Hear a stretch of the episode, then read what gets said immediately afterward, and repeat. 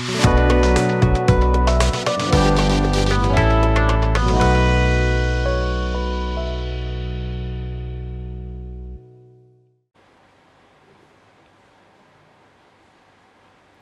ဂလာပါရှင်မြန်မာပြည်သူပြည်သားအပေါင်းစိတ်ချမ်းသာခြင်းကိုယ်ရည်ကျန်းမာခြင်းနဲ့ပြည့်စုံကြပါစေလို့ PPTV အဖွဲ့သားတွေကဆုတောင်းမြတ်တာပို့တာပါတယ်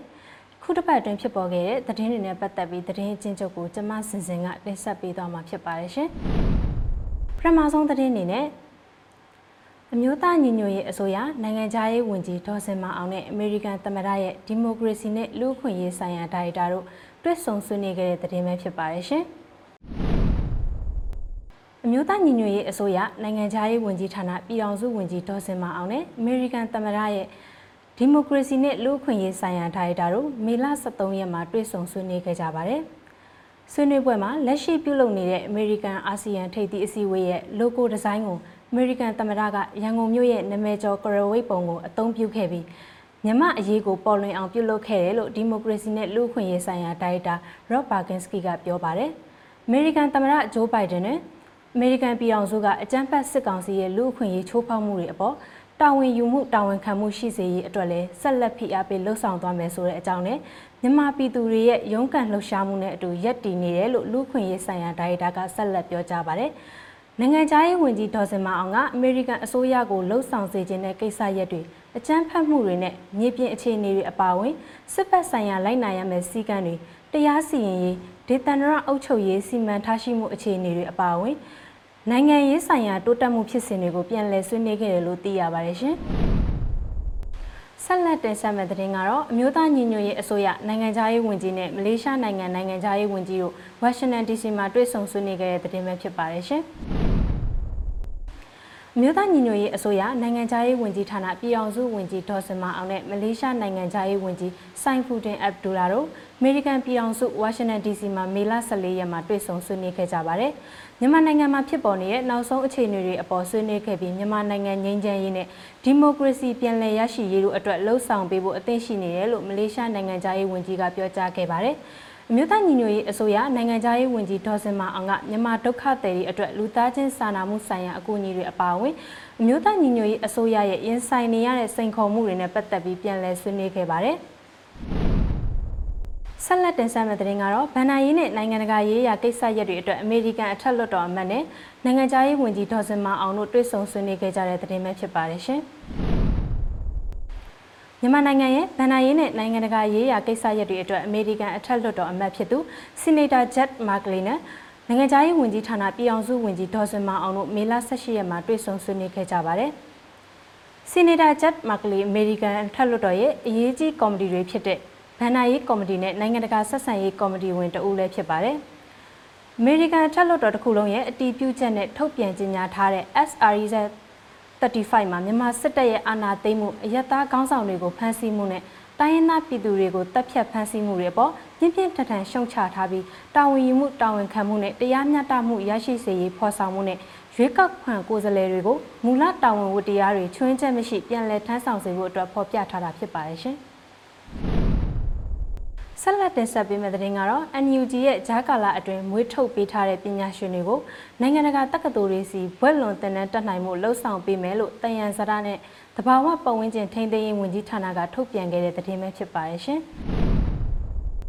မြို့သားညီညွတ်ရေးအစိုးရရဲ့ဂျာကာလာအတွင်းမွေးထုတ်ပေးနိုင်ခဲ့တဲ့ပညာရှင်တွေကိုနိုင်ငံတကာတက္ကသိုလ်တွေစီဘွဲ့လွန်တင်နန်းတက်ရောက်လို့လျင် သက်ဆိုင်ရာအဖွဲ့အစည်းတွေနဲ့ချိတ်ဆက်ပြီးလှုပ်ဆောင်ပေးသွားမယ်လို့တယန်စတာနဲ့တဘာဝပတ်ဝန်းကျင်ထိန်းသိမ်းရေးဝန်ကြီးဌာနကမေလ15ရက်ကထုတ်ပြန်ကြေညာခဲ့ပါတယ်။ ထုတ်ပြန်ချက်မှာတော့ online စနစ်နဲ့ဖွင့်လှစ်တင်ကြားခဲ့တဲ့ဂျားကာလတစ်တော်နဲ့ပတ်ဝန်းကျင်ဆိုင်ရာတက္ကသိုလ်ကချီးမြှင့်မဲ့ဘွဲကိုအတိမတ်ပြုပြီးဘွဲရကျောင်းသူကျောင်းသားတွေကိုလည်းဂုဏ်ပြုမှတ်တမ်းတင်သွားမှာဖြစ်ကြောင်းနဲ့တပြိုင်နက်တည်းမှာပဲစစ်ကောင်စီကဖွင့်လှစ်နေတဲ့တင်တန်းတွေကိုတက်ရောက်နေဆဲသူတွေတက်ရောက်ခဲ့သူတွေနဲ့ဘွဲရရှိခဲ့သူတွေကိုတော့အတိမတ်မပြုဘဲမှတ်တမ်းတင်ထားမှာဖြစ်တယ်လို့ဖော်ပြထားပါတယ်ရှင်။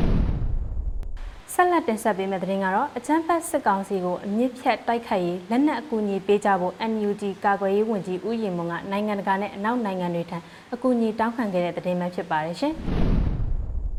အကြမ်းဖက်စစ်ကောင်စီကိုအမြင့်ပြတ်တိုက်ခိုက်ရေးအတွက်လက်နက်အကူအညီပေးကြဖို့အမျိုးသားညီညွတ်ရေးအစိုးရကာကွယ်ရေးဝန်ကြီးဦးရင်မွန်ကနိုင်ငံတကာနဲ့အနောက်နိုင်ငံကြီးတွေထံအကူအညီတောင်းခံလိုက်တယ်လို့ Writer သတင်းဌာနကဖော်ပြထားပါတယ်။ယူကရိန်းပြည်သူတွေနဲ့ဒီမိုကရေစီလိုလားတဲ့မြန်မာပြည်သူတွေကလွတ်လပ်ရေးအတွက်အသက်ပေးတိုက်ပွဲဝင်နေကြကြောင်းနိုင်ငံတကာကမြန်မာအရေးစုစည်းထောက်ခံမှုတွေအပြင်လက်နက်တွေကူညီကြဖို့လည်းလိုအပ်တယ်လို့အမျိုးသားညီညွတ်ရေးအစိုးရကာကွယ်ရေးဝန်ကြီးဦးရင်မွန်ကပြောပါတယ်။ မြို့သားညီညွတ်ရေးအစိုးရအနေနဲ့အကြမ်းဖက်စစ်ကောင်စီကိုအမြင့်ဖြတ်ဖြုတ်ချနိုင်ရေးအတွက်တန်တမန်ရေးအရနိုင်ငံတကာကလက်ခံလာရေးကြိုးပမ်းနေတယ်လို့ပြည်သူ့ခုခံတွန်းလှန်စေရဲ့တိုက်ပွဲတွေကိုလည်းအရှိန်ဟုန်မြင့်တင်နေရလို့သိရပါတယ်ရှင်။ဆက်လက်တင်ဆက်ပေးမယ့်သတင်းကတော့အကြမ်းဖက်စစ်ကောင်စီရောင်းချနေတဲ့နိုင်ငံပိုင်ကြောက်မြတ်ရတနာတွေကိုဝယ်ယူပါကတံမိုးထက်နှစ်ဆနိုင်ငံတော်ကိုပြန်လည်ပေးရော်ခိုင်းပြီးခိုးရပါလက်ခံမှုနဲ့အရေးယူသွားမယ်လို့ NUG ကထုတ်ပြန်ကြေညာခဲ့တဲ့သတင်းပဲဖြစ်ပါတယ်ရှင်။ အကြမ်းဖက်စစ်ကောင်စီရောင်းချနေတဲ့နိုင်ငံပိုင်ကြောက်မြတ်ရတနာတွေကိုဝယ်ယူပါကတံမိုးထက်နှစ်ဆနိုင်ငံတော်ကိုပြန်လည်ပေးရော်ခိုင်းမှာဖြစ်တယ်လို့ခိုးရပါလက်ခံမှုနဲ့အရေးယူသွားမှာဖြစ်ပြီးရောင်းချပေးတဲ့စစ်ကောင်စီလက်အောက်ခံဝန်ထမ်းတွေကိုလည်းနိုင်ငံတော်ပိုင်ပစ္စည်းအလွဲသုံးစားပြုမှုနဲ့အရေးယူသွားမယ်လို့အမျိုးသားညီညွတ်ရေးအစိုးရတယံဇတနဲ့တဘာဝပတ်ဝန်းကျင်ထိန်းသိမ်းရေးဝန်ကြီးဌာနကမေလ18ရက်မှာထုတ်ပြန်ကြေညာခဲ့ပါတယ်။ဒါအပြင်ရတနာပြပွဲတွေမှာကြောက်မြက်ရတနာ လက်ဝတ်ရတနာနဲ့ပလဲအတွဲတွေကိုတင်ပြရောင်းချခြင်းနဲ့ဝယ်ယူခြင်းတွေကိုဆောင်ရွက်ခဲ့တဲ့ပုဂ္ဂလိကကုမ္ပဏီတွေနဲ့အယောင်းဆိုင်တွေကိုလည်းမှတ်တမ်းတင်ထားပြီးအမည်ပြတ်စရင်ရေးသွင်းခြင်းလုပ်ငန်းလုပ်ပိုင်ခွင့်ပိတ်သိမ်းခြင်းစတဲ့အရေးယူမှုတွေလှုပ်ဆောင်သွားမယ်လို့ဆက်လက်ဖော်ပြထားပါတယ်။ကျင်ညာချက်ပါအရေးယူဆောင်ရွက်မှုတွေကိုစစ်ကောင်စီလက်ထက်မှာပြုလုပ်တဲ့ရတနာပြပွဲတွေမြမကြောက်မြက်ရတနာရောင်းဝယ်ရေးလုပ်ငန်းမြမပလဲထုတ်လုပ်ရေးနဲ့ရောင်းဝယ်ရေးလုပ်ငန်းတွေကို ကျင်းပတဲ့ရုံးတွင်းတည်တံ့တင်နာဈေးပြန်ရောင်းချခြင်းတွေအားလုံးနဲ့သက်ဆိုင်တယ်လို့ထုတ်ပြန်ချက်မှာဖော်ပြထားပါတယ်ရှင်။ဆက်လက်တင်ဆက်ပေးမယ့်သတင်းကတော့ AP လအတွင်းလူသားချင်းစာနာမှုအကူအညီငွေကျပ်တန်းတရာကျော်ထောက်ပံ့ပေးနိုင်ခဲ့တယ်လို့ NUG ကထုတ်ပြန်ခဲ့တဲ့သတင်းပဲဖြစ်ပါတယ်ရှင်။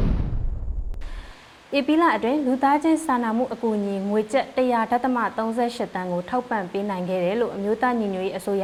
လူသားချင်းစာနာထောက်ထားရေးနဲ့ဘေးအန္တရာယ်ဆိုင်ရာစီမံခန့်ခွဲရေးဝန်ကြီးဌာနကမေလ18ရက်မှာထုတ်ပြန်ခဲ့ပါတယ်။အကြမ်းဖက်စစ်ကောင်စီကြောင့်ဘေးလွတ်ရာထွက်ပြေးခိုလုံနေကြရသူတွေတော်လှန်ရေးမှာပါဝင်ရင်ထိခိုက်ဒဏ်ရာရရှိသူတွေနဲ့အသက်ဆုံးရှုံးရသူတွေရဲ့မိသားစုဝင်တွေအကူအညီလိုအပ်နေတဲ့မတန်ဆွမ်းတွေအပါအဝင် ထိခိုက်လွယ်အုပ်စုတွေအကြောင်းမျိုးမျိုးကြောင့်လူသားချင်းစာနာမှုအကူအညီလိုအပ်နေသူတွေကိုမိဖက်အသီးသီးနဲ့ချိတ်ဆက်ပြီးမြေပြင်အထိရောက်အောင်ပံ့ပိုးကူညီပေးနေတယ်လို့ဖော်ပြထားပါတယ်။ထောက်ပံ့မှုတွေကိုဘေးဒုက္ခခံစားနေကြရတဲ့ပြည်သူတွေစီရောက်အောင်စီစဉ်ဆောင်ရွက်ပေးကြတဲ့ဒေသခံမိဖက်အဖွဲ့တွေကိုယ်စားလှယ်တွေစေတနာဝန်ထမ်းနဲ့အလှူရှင်ပြည်သူတွေကိုလည်းကျေးဇူးတင်ကြောင်းဖော်ပြထားပါတယ်။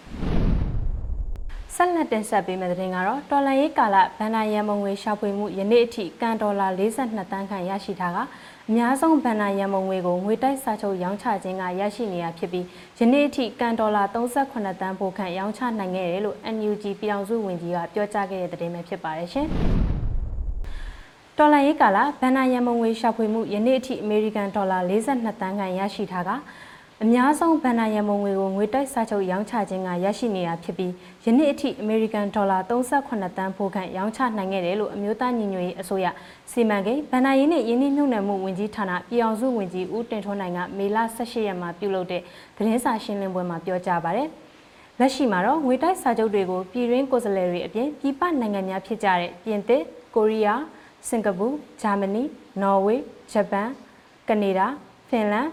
အမေရိကန်မလေးရှားထိုင်းနိုင်ငံနဲ့ဩစတြေးလျနိုင်ငံတို့မှာလည်းကိုယ်စားလှယ်များကတဆင့်ဝယ်ယူနိုင်ကြောင်းသိရပါတယ်။အမျိုးသားညီညွတ်ရေးအစိုးရ NUG နဲ့ပအို့အမျိုးသားဖက်ဒရယ်ကောင်စီ PNFC တို့ပူးပေါင်းပြီးအာဏာရှင်စနစ်အမျိုးမျိုးချုပ်ငြိမ်းရေးဖက်ဒရယ်ဒီမိုကရေစီပြည်အောင်စုသစ် ပေါ်ထွန်းရေးတို့အတွက်ငွေတိုက်စာချုပ်တွေကိုပြည်ရင်းပြည်ပမှာစတင်ရောင်းချနေပြီဖြစ်ပြီးရရှိလာတဲ့ဗန္ဒာရမုံငွေတွေကိုຫນွေဦးတော်လှန်ရေးအောင်ပွဲအတွက်အဓိကအရေးကြီးတဲ့ကိစ္စရပ်တွေမှာမဟာဗျူဟာကြကြအစီမံခန့်ခွဲသုံးဆွဲလျက်ရှိပြီးထိရောက်တဲ့အရွေရောက်ရှိအောင်ဖော်ဆောင်နိုင်နေပြီလို့သိရပါတယ်ရှင်။ဆက်လက်တင်ဆက်ပေးမယ့်သတင်းကတော့အကြမ်းဖက်ခေါင်းဆောင်မင်းအောင်လှိုင်အိမ်ကိုအစုရှယ်ယာရောင်းချမှုအမေရိကန်ဒေါ်လာ9တန်းအထိရရှိထားတယ်ဆိုတဲ့သတင်းဖြစ်ပါတယ်ရှင်။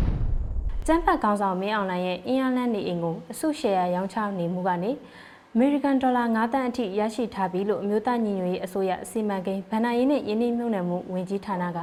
မေလ19ရက်မှာဖော်ပြထားပါတယ်။အာနာရှင်ရဲ့အဆုံးသက်ညီကုန်းလို့အမည်ပေးထားတဲ့အကြမ်းဖက်စစ်ကောင်းဆောင်တွေရဲ့ပိုင်ဆိုင်မှုတွေကိုလေးလံပစ်ပြီးရောင်းချနေတဲ့အစီအစဉ်ရဲ့ပထမအဖြစ်အကြမ်းဖက်ခေါင်းဆောင်မင်းအောင်လှိုင်ရဲ့အင်အားလန်းနေအိမ်ခြံအမှတ်14ကိုအစုရှယ်ယာအနေနဲ့ရောင်းချနေတာပါ။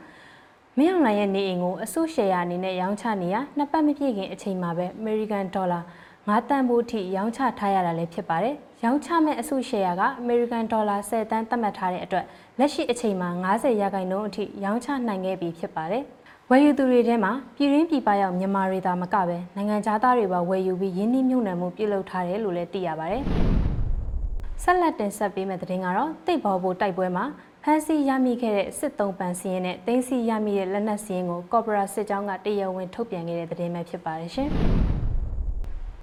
မြဝရီခရိုင်မြဝရီဝေါ်လီကာလန်ပီတိတ်ဘော်ဘူရွာအနီးမှာစကန်းချထားတဲ့အကြမ်းဖက်စစ်ကောင်စီတပ်စခန်းကိုတင်ပိုက်ခဲ့ပြီးနောက်ဖမ်းဆီးရမိခဲ့တဲ့စစ်သုံးပန်စီရင်နဲ့တင်းစီရမိတဲ့လက်နက်စီရင်ကိုကော်ပိုရာစစ်ကြောင်းကတရားဝင်ထုတ်ပြန်လိုက်ပါတယ်။မေလ18ရက်မနက်ပိုင်းမှာစကန်းသိန်းတိတ်ပွဲစတင်ခဲ့ပြီးမွန်းလွဲပိုင်းမှာစကန်းကိုတင်ပိုက်နိုင်ခဲ့တာလည်းဖြစ်ပါတယ်။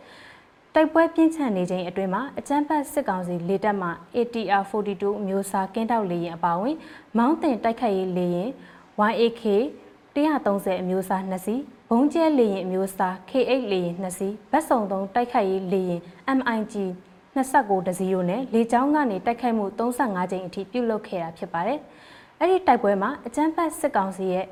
တက်ချက်ကြီး2ယောက် တက်ချက်1ယောက်ဒုတက်ချက်1ယောက်တပ်သား2ယောက်တို့ကိုအရှင်ဖမ်းဆီးရမိခဲ့ပြီးစစ်တုံးပန်းတွေအတွက်ချမှတ်ထားတဲ့စီမင်းဥပဒေတွေနဲ့အညီကောင်းမွန်စွာထိန်းသိမ်းထားပြီးလိုအပ်တဲ့စေဝါကူတာမှုတွေကိုလည်းဆောင်ရွက်ပေးထားတယ်လို့ထုတ်ပြန်ချက်ထဲမှာဖော်ပြထားပါတယ်။ကနဦးသိမ်းဆီးရမိတဲ့လက်နက်တွေကတော့81မမတာဝေးစိန်ပြောင်းတစ်လက်60မမတာဝေးစိန်ပြောင်းတစ်လက် MA10 အမျိုးအစား RPG တစ်လက်60မမကွန်မန်ဒိုစိန်ပြောင်းတစ်လက်အပါအဝင်လက်နက်ခဲယမ်းမြောက်များစွာနဲ့အတူ စာရွက်စာတမ်းတွေဆက်သွယ်ရေးဆက်နဲ့ဂျမ်မာဆက်တလုံးတို့ကိုလည်းသိမ်းဆည်းရမိတယ်လို့ဖော်ပြထားပါတယ်။တိုက်ပွဲအတွင်းမှာတော်လန်ရေးရဲဘော်၃ဦးကနိုင်ငံနဲ့ပြည်သူတွေအတွက်မြင့်မြတ်စွာအသက်ပေးလူခဲ့ရပြီးနောက်ထပ်တော်လန်ရေးရဲဘော်၄ဦးကတော့မစိုးရင်ရတဲ့ဒဏ်ရာရရှိခဲ့ကြောင်းလက်ရှိအချိန်မှာတော့ကော်ပိုရာစစ်ကြောင်းနဲ့ပူးပေါင်းတပ်ဖွဲ့တွေကအဆိုပါဒေသကိုနယ်မြေရှင်းလင်းရေးလှုပ်ဆောင်မှုတွေပြုလုပ်နေတယ်လို့ထုတ်ပြန်ချက်မှာဆက်လက်ဖော်ပြထားပါတယ်။ ဆက်လက်တင်ဆက်ပေးမယ့်သတင်းကတော့တိတ်ဘောဘိုတိုက်ပွဲမှာမြင့်မြတ်စွာကြာဆုံးခဲ့သူတွေအတွက်ငွေတိုက်စာချုပ်ဝယ်ယူပေးနိုင်ပြီဖြစ်တယ်ဆိုတဲ့သတင်းပဲဖြစ်ပါတယ်။တိတ်ဘောဘိုမှာရှိတဲ့အကျန်းဖက်စစ်ကောင်စီတပ်စခန်းကိုသိမ်းပိုက်စဉ်အတွင်းမှာကြာဆုံးခဲ့ရသူတွေအတွက်ငွေတိုက်စာချုပ်ကိုတာဝန်ယူပေးနိုင်တယ်လို့ဒုຫນွေဦးသူရဲကောင်းများ Our Supreme Hero ကဖော်ပြထားပါတယ်။ကြာဆုံးသူရဲကောင်းဖြစ်တဲ့မောင်အောင်စောဖြိုးခေါ်ရဲဘော်တမာတိအပါဝင်တိုက်ပွဲအတွင်းကြာဆုံးသူရဲကောင်းတွေအတွက် ငွေတိုက်စာချုပ်ဝယ်ယူပေးနိုင်ပြီဖြစ်တယ်လို့ဒုຫນွေဦးသူရဲကောင်းများ Our Supreme Hero ကဖော်ပြထားတာပါ